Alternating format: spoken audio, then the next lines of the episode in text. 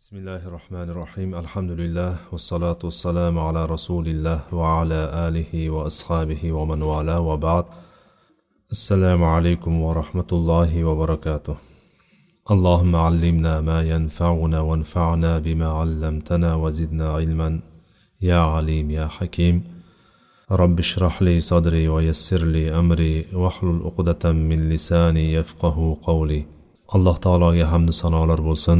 Payg'ambarimiz sollallohu alayhi vasallamga u kishini ahli oilalari sahobalariga va ularga iymon bilan yaxshilik bilan ergashgan jamiki mo'minlarga alloh taoloni salovati salomlari bo'lsin.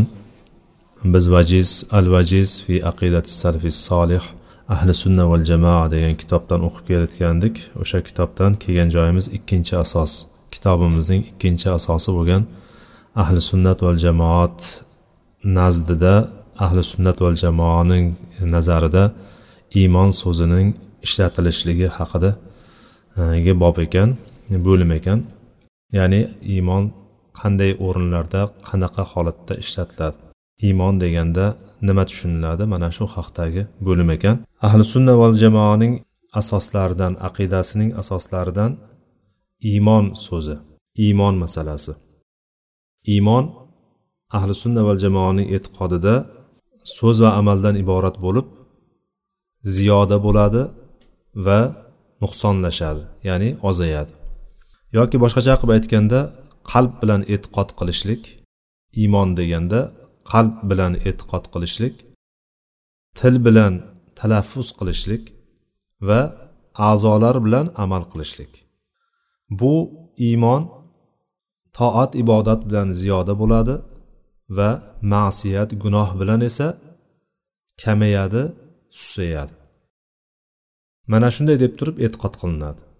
Ya'ni iymon degan so'zni o'zini lug'aviy ma'nosiga qaraydigan bo'lsak iymon degani o'zbekchaga ham iymon deb gapiramiz biz iymon degani aslida tasdiqlashlik bo'ysunishlik va iqror bo'lishlik degan o'zidagi iqrorni izhor qilishlik degan. Ya'ni qat'iy ishonchda olamiz biz. Iymon deganda qat'iy ishonch.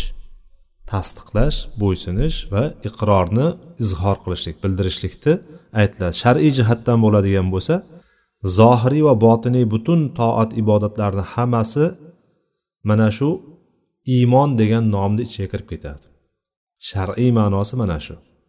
Shariatda iymon deganda butun zohiriy ya'ni zohiriy deganimizda bizga ko'rinadigan tarafdagi ya'ni a'zolarimizni tashqi a'zolarimiz bilan qilinadigan butun ibodatlar toatlar bo'ladigan bo'lsa va botiniy tarafi deganimiz qalbimizda yuzaga keladigan qalb amallarini hammasi mana shu iymonni ichiga kirib ketadi.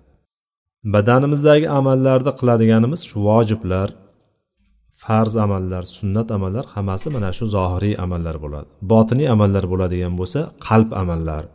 Butun ishonch iymon tavakkal tavakkul xushu huzu hammasi qalbga tegishli bo'lgan. Hamma amallar bu botiniy amallarni ichiga kirib ketadi. Xullas bitta so'z bilan aytadigan bo'lsak iymon qalbda o'rnashgan uni amal tasdiqlagan va uning samaralari bo'ladigan bo'lsa mana shu iymonning samaralari alloh taoloning buyruqlariga itoat qilishlik bilan qaytariqlardan qaytishlik bilan ko'rinadigan narsadir. Mana shu iymon. Bitta qilib aytgan paytda qalbda o'rnashgan qalbda sobit bo'lib turib o'rnashgan a'zolardagi amallar bilan uni tasdiqlagan va samarasi bo'lsa alloh taoloni buyruqlariga itoat qilishlik bilan qaytarilgan qaytargan narsalardan uzoq turishlikda namoyon bo'lib ko'rinadigan narsani iymon deymiz. Zero bironta amalsiz ilmdan foyda yo'q. Quruq ilm foyda bergan deydi quruq mana shu hech qanday faqat bilishlikni o'zi foyda bergan deydi shaytonga foyda bergan bo'lardi. Chunki shayton alloh taoloni yakkay yagona zot ekanligini bilgandi. Alloh taoloni ertaga alloh taoloni huzuriga albatta borishligini bilardi u shayton. Lekin bu bilishligi unga foyda bermadi. Alloh taolo unga odam alayhissalomga odam alayhissalomni yaratgan paytda hamma farishtalarga o'sha yerda turganlarga hammasiga buyurgandi sajda qilishlikka. Alloh taoloni buyrug'i kelgan paytda u bosh tortdi kibr qildi. O'zini katta oldi va kofirlardan bo'ldi. Mana bu uni bilishligi unga foyda bermadi chunki tavhid ilmini bilishlik faqat o'shani o'zi unga foyda bermadi. Alloh taoloni yakkaligini bilishlik foyda bermadi.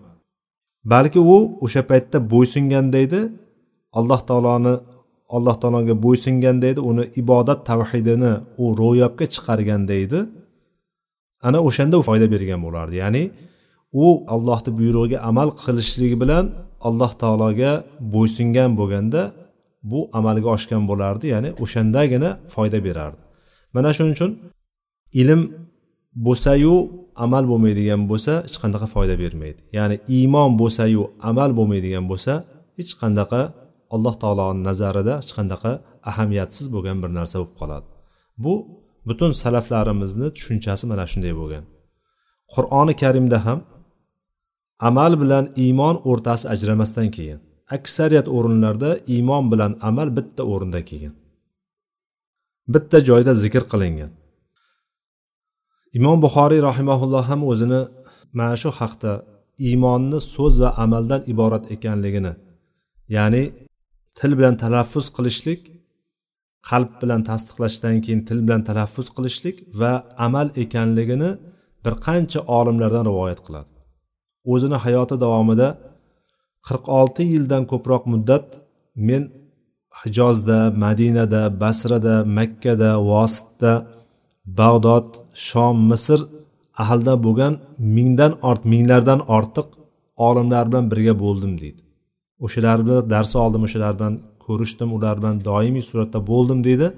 Ularni birontasi iymon bilan amalni o'rtasini ajratmadi deydi.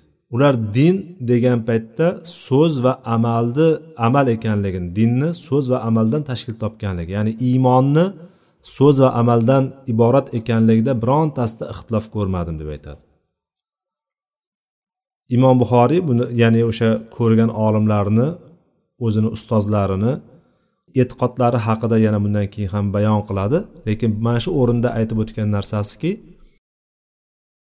so'zni o'zi ya'ni iymon keltirdim deb turib la ilaha illalloh yoki ashhadu an la ilaha illalloh ashhadu anna muhammadan rasululloh deyishlikni o'zi kifoya qilmasligini mana bu narsa aytadi. Yoki boshqacha qilib aytgan paytda muallif aytyaptiki iymon ta'rifida ketyapmiz hali ham. Iymonni ta'rifi nima?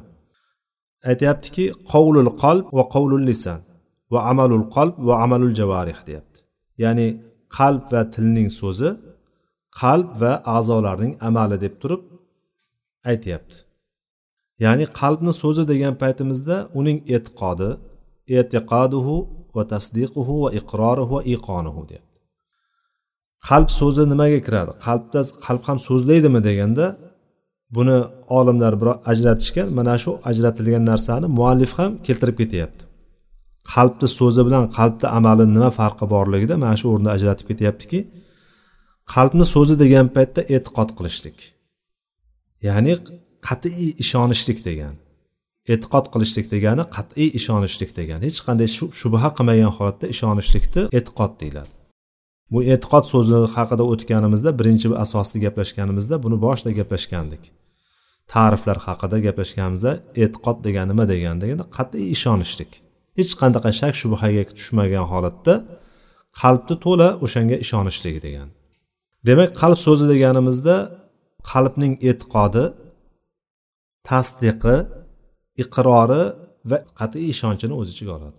Tilni so'zi degan paytimizda o'sha amalni iqror qilishligi.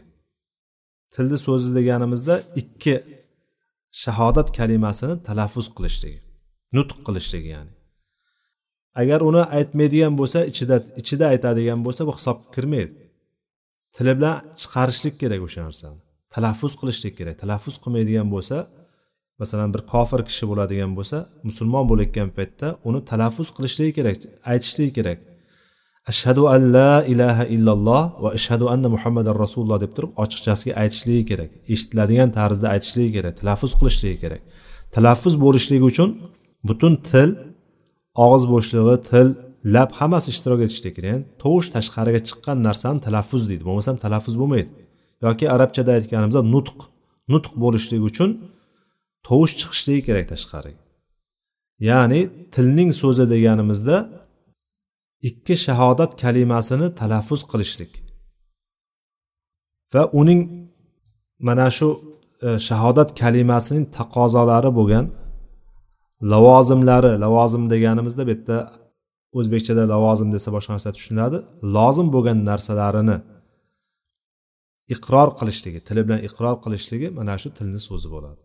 Qalb amali bo'ladigan bo'lsa endi bu yerda aytyaptiki muallif qalb amali shundayki uning niyati qalbning niyati taslim bo'lishligi ixlos qilishligi yoki bo'ysunishligi umid qilishligi huzu bu ham huzu ham bo'ysunishlik inqiyot qilishlik inqiyot ham bo'ysunishlik yaxshi ko'rishligi va xohlashligi mana bu narsalarni hammasi qalb amaliga kiradi. Demak iymon deganimizda mana shu qalb so'zi va qalb amali. Til tildagi talaffuz va a'zolardagi amal kiradi. A'zolardagi amallar degan nimalar kiradi? Ular buyurilgan narsalarni qilishlik bilan qaytarilgan narsalarni qaytishlik mana shu narsani o'z ichiga oladi. Demak iymon deganimiz mana shu. Yana qaytarib aytilyapti iymon so'zini chunki bir necha bor ta'rif keltirilyapti bu yerda qoida qilib turib keltirilyapti. O'shalarni qayta qayta muallif keltirgan bo'yicha o'qib tarjima qilyapmiz. Iymon e'tiqod qilishlik so'z va amal qilishlikdan iborat. E'tiqod so'z va amal qilishdan iborat. Toat bilan ibodat bilan ziyoda bo'ladi kuchayadi yoki boshqacha qilib aytadigan bo'lsak.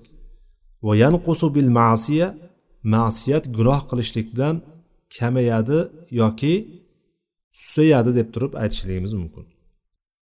Kim mana shularni hammasini ya'ni e'tiqod qilsa tili bilan aytadigan bo'lsa va amal qiladigan bo'lsa mana shularni hammasini o'zida jamlaydigan bo'lsa to'playdigan bo'lsa ana o'sha kishining iymoni mukammal bo'ladi. Kim bulardan ikkitasini ya'ni e'tiqod qilib turib til qalb bilan e'tiqod qilib til bilan talaffuz qilishlik iymon mana shu deb aytadigan bo'lsa bu narsa iymoni uni sahih bo'lmaydi. Iymoni to'g'ri bo'lmaydi uni. Chunki ahli sunna val jamoa nazarida amal iymonning bir bo'lagi hisoblanadi. Iymon degan so'zni ichiga iymon musammosini ichiga kirib ketadi amal ham. Shuning uchun aytdiki yuqorida muallif iymon degani e'tiqod so'z va amal dedi. E'tiqod so'z va amal dedi. Mana shu uchalasi birga bo'lishligi kerak. Agar shulardan bittasi tushib qoladigan bo'lsa iymon mukammal bo'lmay qoladi. Amalsiz iymon sahih bo'lmaydi. U to'liq ham bo'lmaydi. Amalsiz iymon sahih ham bo'lmaydi to'g'ri ham bo'lmaydi. Buni haqda imomlarimizni ya'ni mana shu imomlarimiz aqida olimlarimiz salaf olimlarimiz hammasi mana shu so'zda ijmo qilishgan. Hammasi bunga bir ovozdan mana shunday deb aytishgan. Aytadilarki ular la imana illa bil amal va la qawla va amala illa bin niyya va amala qawla niyyata illa bi va sunna niyyata illa aytadilarki ularni mana shu salaflarimizni salaf olimlarimiz so'zlari amalsiz iymon bo'lmaydi. Amalsiz iymon durust bo'lmaydi. So'z va amalsiz ya'ni so'z va amal niyatsiz durust bo'lmaydi. So'z va amal va niyat sunnatga muvofiq bo'lmaydigan bo'lsa durust bo'lmaydi deb turib aytgan ekanlar. Ya'ni shundan ko'ramizki iymon amalsiz durust bo'lmaydi degan qismi. La imana illa bil amal. Iymon durust bo'lmaydi iymon komil bo'lmaydi magaram amal bilan. Ya'ni iymonning taqozolariga amal qo'shilsagina ana o'shanda iymon mukammal bo'ladi deb turib aytishgan ekanlar. Bu narsani mana shu so'zni imom avzoiy sufyon savriy humaydiy va boshqa bir qancha olimlardan zikr qilingan ekan. Mana shu sahiy rivoyat bilan kelgan mana shu olimlarimiz iymonni mana shunday ta'rif berganlar. Bu qoida oltin qoida bo'lib qolgan. Mana shu qoida bo'yicha amalni iymondan ajratadigan bo'lsak ya'ni til bilan talaffuz qilib iqrorim bil lisan va atiqodun bil janan deb turib shu yerda to'xtaydigan bo'lsa bu narsa amalul javarih agar chiqib qoladigan bo'lsa a'zolari bilan amal qilishlik ya'ni amr va buyruqlarga amal qilishlik chiqib qoladigan bo'lsa bu narsa boshqa tarafga o'tib qoladi. Iymonni to'liq bo'lmay qoladi. Ba'zi bir toifalar ba'zi bir shu e'tiqod borasidagi iymon borasida aytadigan kishilar borki iymonni ichiga amalni kirgizishmaydi. Iymonni ichiga amalni kirgizmagandan keyin iymonni moddiy narsa emas deb turib aytishadida moddiy narsa emaski u iymon o'zgarsa deydi. Shuning uchun amal qilishlikni hech qanaqa uni ahamiyati yo'q deb aytishadi. Bu ko'proq murjiyalarni e'tiqodiga to'g'ri keladi amal qilishlikni hech qanaqa ahamiyati yo'q deydi. Bu deydi iymoni bir kishi iymon keltiradigan bo'lsa eng osiy kishi bo'ladigan bo'lsa ham eng ko'p gunoh qiladigan kishi bo'ladigan bo'lsa ham uni iymoni bilan farishtalarni eng kattasi bo'lgan jibrilni ham iymoni farqi yo'q deb aytishadi. Ya'ni shu qadar darajada gaplarni aytishadi lekin ahli sunna val jamoa mana aytyapmizki amalsiz iymon iymon emas deb biladi. Iymon uchta narsani o'z ichiga oladi. E'tiqodni qalb bilan bo'lgan e'tiqodni til bilan talaffuz qilishlikni va a'zolari bilan amal qilishlikni o'z ichiga oladi. Shunga binoan kim toat ibodatda ko'p bo'ladi ko'p qiladigan bo'lsa iymoni ziyoda bo'ladi. Iymoni quvvatlanadi kuchayadi. Agar kimda kim gunoh qilib qo'yadigan bo'lsa gunoh qilishlikda davom etadigan bo'lsa bu gunoh ma'siyatlari bilan iymon nuqsonlashadi. Kamayadi yoki boshqacha qilib aytadigan bo'lsak susayadi. Inson buni o'zida ham his qila oladi. Iymonni kuchayib susayishligini o'zida ham his qila oladi inson. Mana bu ahli sunna va jamoani e'tiqodi mana shu. Mana shuning uchun qur'onda alloh taolo mo'minlarni sifatlarini aytgan paytda haqiqiy mo'minlarni sifatlarini aytgan paytda ularni iymon keltirganligini va iymonni taqozolarini usuli din din asoslaridan bo'lgan va dinning bo'limlardan bo'laklaridan bo'lgan hamma zohiriy va botiniy narsalarga hammasiga amal qilgan kishilar deb turib zikr qilgan. Ularni e'tiqodlarida ham qovullar aytgan so'zlarida ham amallari zohiriy botiniy hammasida iymon asari ko'ringan bo'lishligi kerak degan. Buni aytadiki oyatda innamal mu'minuna alladina idza zukiralloh vajilat qulubuhum va idza tuliyat alayhim ayatuhu zadathum iymana va ala robbihim yatavakkalun mana shu oyatda alloh taolo aytadiki haqiqiy mo'minlar shunday kishilarki innamal mu'minun haqiqiy mo'minlar innamo ta'kidi bilan kelayotganligi uchun va mo'minlarni aliflom ta'rifiya bilan kelganligi uchun aytyapmizki haqiqiy mo'minlar shunday kishilarki ida zukirallohu vajilat qulubuhum agar ollohni nomi zikr qilinadigan bo'lsa olloh eslatiladigan bo'lsa o'sha paytda qalblariga qo'rqinch tushadigan kishilar.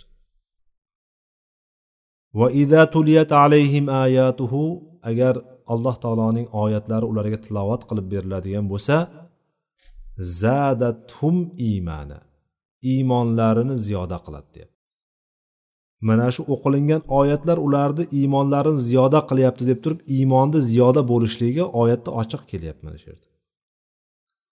Va ala robbihim yatavakkalun. Mana o'sha paytda ular robbilariga faqat robbilarigagina tavakkul qiladigan kishilar bo'ladi. Ularni keyingi sifatlarini aytayotgan paytda iymonni faqat o'zida to'xtab qolmadi. Haqiqiy mo'min deganda iymon sifatini aytayotganda alloh taoloni mana shu undan keyin keltirayotgan oyatlarda oyat davomida aytyaptiki alladina yuqimuna solata va mimma rozaqnahum yunfiqun. Ular namozni qoyim qiladigan kishilardir. Namozni to'la to'kis o'qiydigan kishilardir. Va biz ularga rizq qilib bergan narsalarimizdan infoq ehson qiladigan kishilardir ular. Va orqasidan aytyaptiki ulaika humul mu'minuna haqqo deyapti alloh taolo. Ana o'shalar haqiqiy mo'minlardir deyapti. Haqiqiy mo'min ya'ni mo'min bo'lishlik uchun nima kerak ekan? Iymonni yoniga amal ham qo'shilishligi kerak ekan solih amal qo'shilishligi kerak ya'ni. Solih amal ikkalasi birga bo'lgan paytda qalbdagi e'tiqod va tilimizdagi la ilaha illallohni talaffuz qilganimizdan keyin ana bundan keyin a'zolarimiz bilan iymonni taqozosi bo'lgan la ilaha illalloh bizga nimani taqozo qiladigan bo'lsa ya'ni islom shariat shariat dinimiz nimani bizga buyurib nimadan qaytargan bo'lsa o'shalarni amalga oshiradigan bo'lsak ana o'sha kishilarni alloh taolo aytyaptiki ana o'shalar haqiqiy mo'minlardir deyapti. Va orqasidan ularga ularni ham mukofotlarini ham aytib qo'yyapti. Lahum darajatun inda robbihim va mag'firatun va rizqun karim deyapti. Ana o'sha kishilarga o'shanday mo'min haqiqiy mo'minlarga robbilari huzurida darajatlar bor maqomlar bor ya'ni yuqori yuqori darajalar bor. Va mag'fira va mag'firat bor alloh taolo tarafidan bo'lgan mag'firat bor ularga. Ya'ni gunohlarini kechirishligini sababi mana shu iymonlari bo'lyapti. Va ularga ulug' rizq rizq bor deyapti. Rizqun karim ya'ni ulug' mukarram bo'lgan rizq bor ularga deb turib alloh taolo ularni mana shunday sifatlayapti. Alloh taolo qur'onda bir qancha o'rinlarda iymonni amali solih bilan bir yonma yon keltirgan. Bunga sabab nima? Iymon iymonni ichiga amal kirishligiga dalil bo'lishligi uchun dalil bo'lganligini mana shu oyatlardan ko'ramiz. Chunki alloh taolo qur'onda bir qancha o'rinda iymonni zikr qilgandan keyin yoniga amali solihni keltirgan. Alloh taolo aytadiki o'shalardan muallif keltirgan ba'zi misollarni keltiramiz. Aytadiki alloh taolo innalladina amanu va amilus solihati kanat lahum jannatul firdavsi nuzula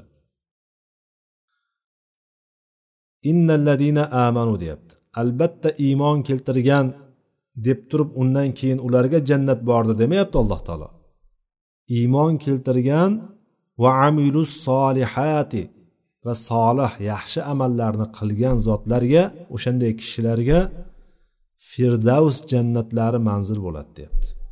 Jannatni eng ulug' va eng to'g'risi bo'lgan joy firdavs jannati firdavs jannatiga o'shanday kishilar loyiq bo'ladi. Boshqa oyatda aytadiki alloh taolo innalladina qalu robbunallohu summa istaqomu tatanazzalu alayhimul malaikatu alla takhafu va la tahzanu. Albatta robbimiz olloh degandan keyin bizni robbimiz olloh deyapti. Ya'ni bu nimaga da'vat qilyapti? Iymonni til bilan talaffuz qilishligiga to'g'ri to'g'ri kelyapti bu narsa. Ya'ni la ilaha illallohni boshqacha ko'rinish aytyaptiki robbunalloh bizni parvardigorimiz bizni robbimiz tarbiyat kunandamiz ollohdir deyapmiz. Bu til bilan tasdiq qilyapmiz. Qalbimizdagi narsani tilimizga chiqaryapmiz. Summastaqomu mana shu joyda istiqomatda bo'lsa so'ngra istiqomatda bo'lsa.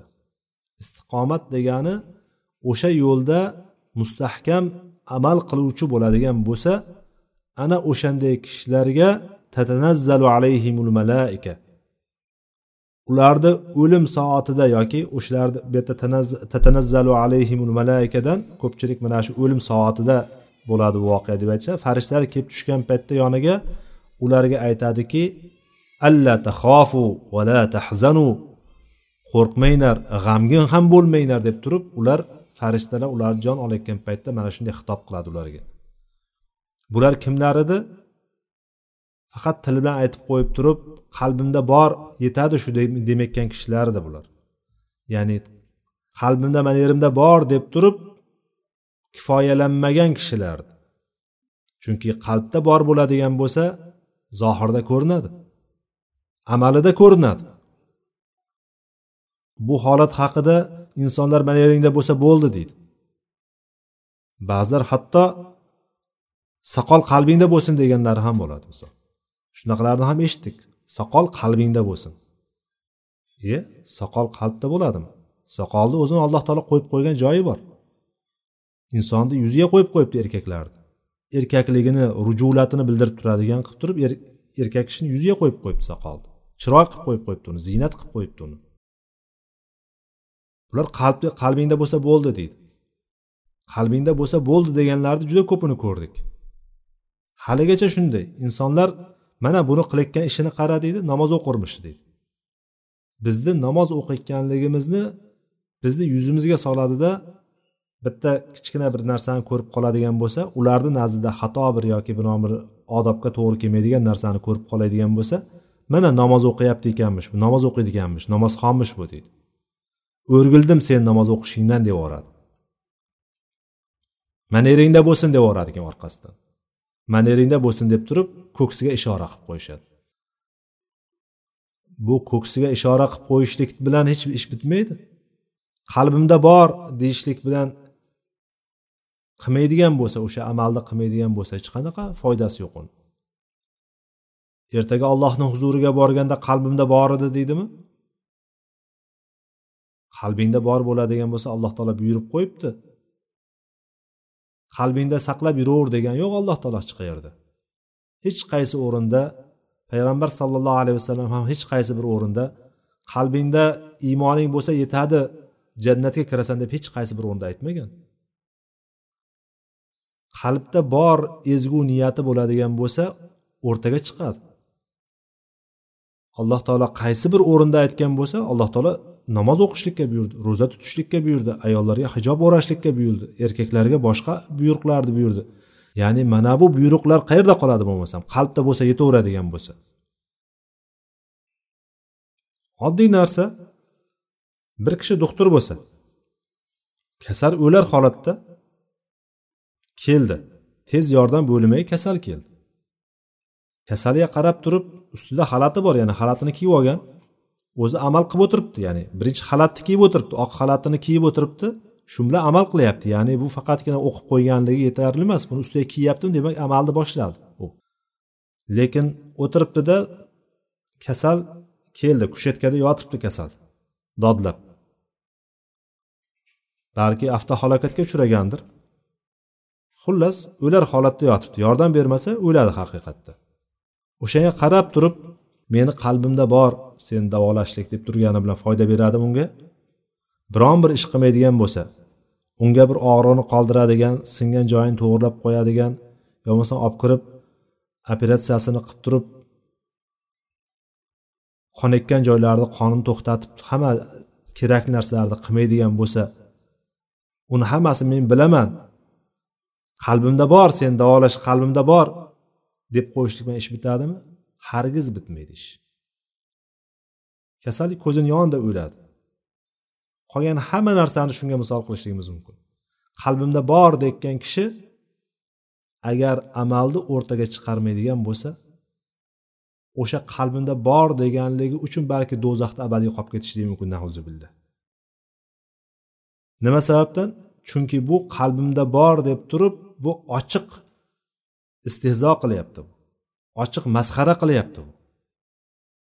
Alloh taoloni oyatlarini rasululloh sollallohu alayhi vasallamni sunnatlarini ochiq masxara qilyapti u.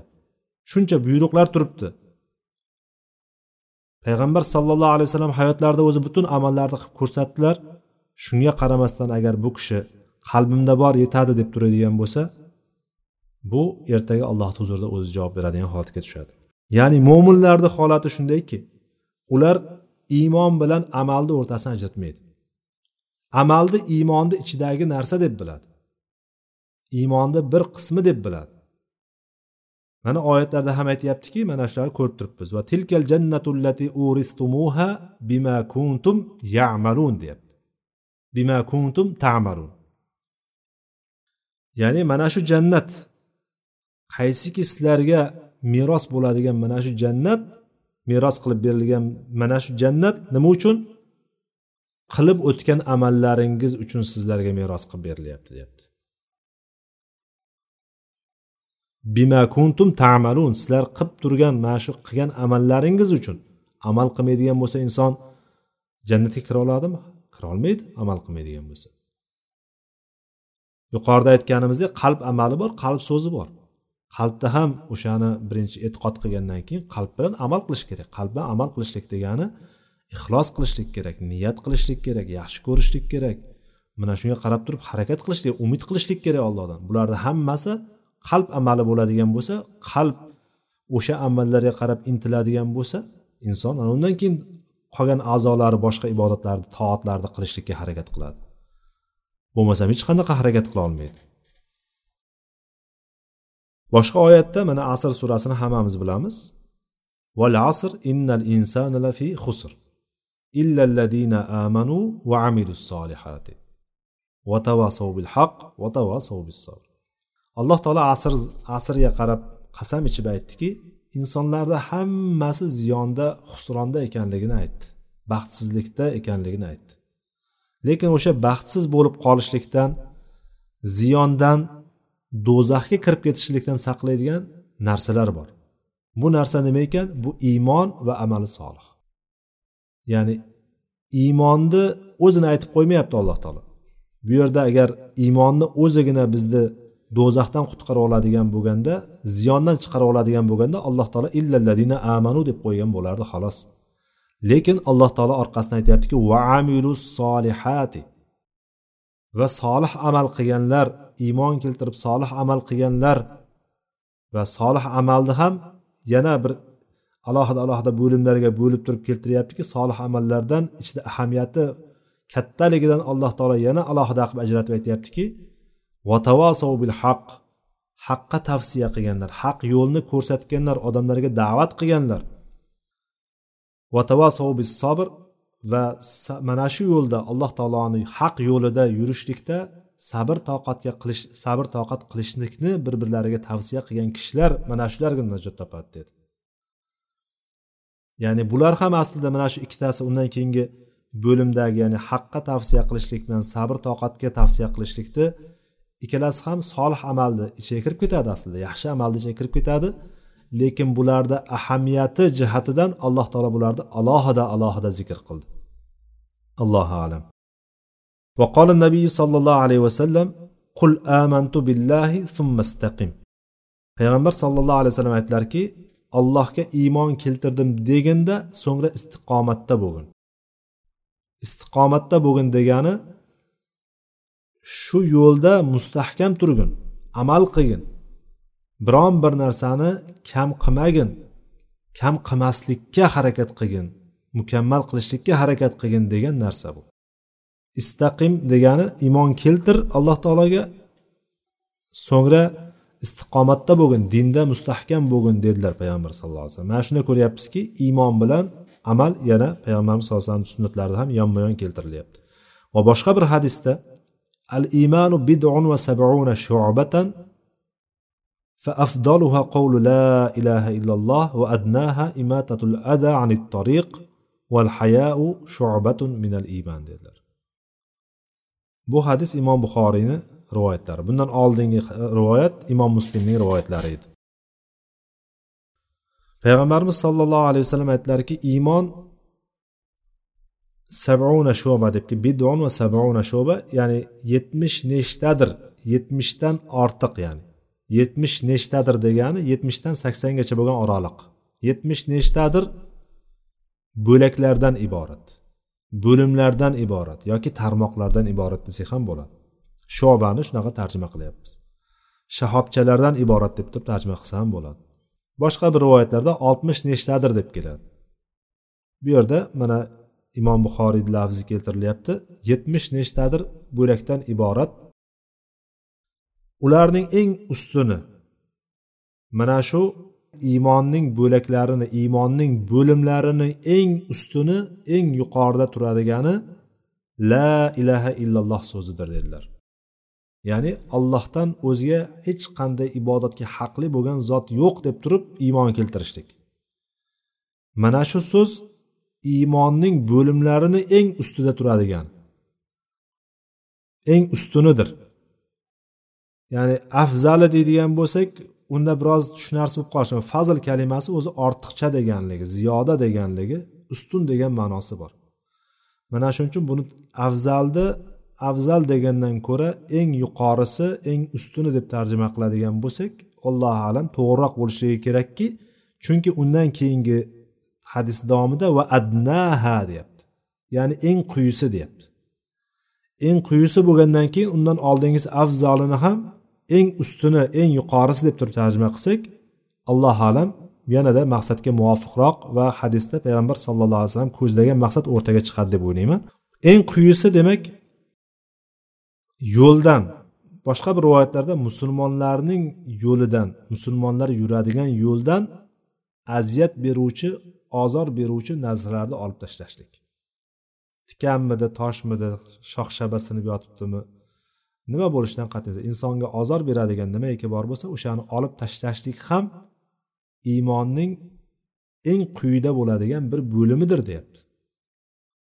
Eng pastida bo'ladigan bir bo'lim. E, Iymonni demak ichidagi amallarga qarab turib bo'limlari qavatma qavat qavatma qavat bo'lib turib bo'limlarga bo'linib boryapti. Eng quyisi eng yuqorisida la ilaha illalloh bo'ladigan bo'lsa eng quyisida eng pastida yo'ldan ozorlarni olib tashlashlik ham iymonga kelyapti. Bu nima amalmi? Amal. Boyagi la ilaha illalloh iymon edi to'g'ri. Iymonni asosi edi u la ilaha illalloh iymonni iymonga kirishlikka kerak bo'ladigan tavhid kalimasi edi. Endi bu ozorni olib tashlashlik bir ish bo'ladigan bo'lsa amal bo'ladigan bo'lsa payg'ambarimiz sollallohu alayhi vasallam mana shuni iymonni ichida sanadilar. Va hadisda oxirgi qismida bo'ladigan bo'lsa val hayau shubatun minal iymon dedilar. Hayo ham iymondan bir bo'lakdir dedilar. Iymonning bir bo'limi dedilar. Ya'ni hayo ham qaysi joyda turganligini biz bu yerda chiqara olmaymiz ayta olmaymiz aniq. Hayoni ham iymondan ekanligini iymonning bir bo'lagi ekanligini payg'ambarimiz sallallohu alayhi vasallam mana shu hadisda bizga aytib ketdilar. Mana shundan ko'ramizki iymon va amal bir biridan ajramaydigan bir butun narsa. Bir biriga chambarchas bog'liq bo'lgan bir biridan hech qachon ajramaydigan bir butun narsa. Biri ikkinchisini taqozo qiladigan narsa. Amal iymonning surati iymonning ko'rinishi va uning javhari hisoblanadi. Va uning lozim bo'lgan kerakli bo'lgan ya'ni hech ham usiz tasavvur qilib bo'lmaydigan qismi va uning taqozolaridan hisoblanadi. Va xuddi shuningdek iymonning ma'nosini yarmi mana shu amal hisoblanadi.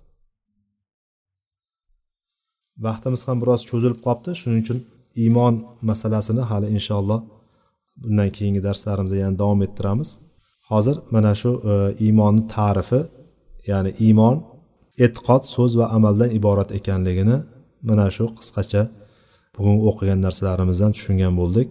Alloh taolo bizga sahih e'tiqodimizni o'rganishlikni nasib qilsin.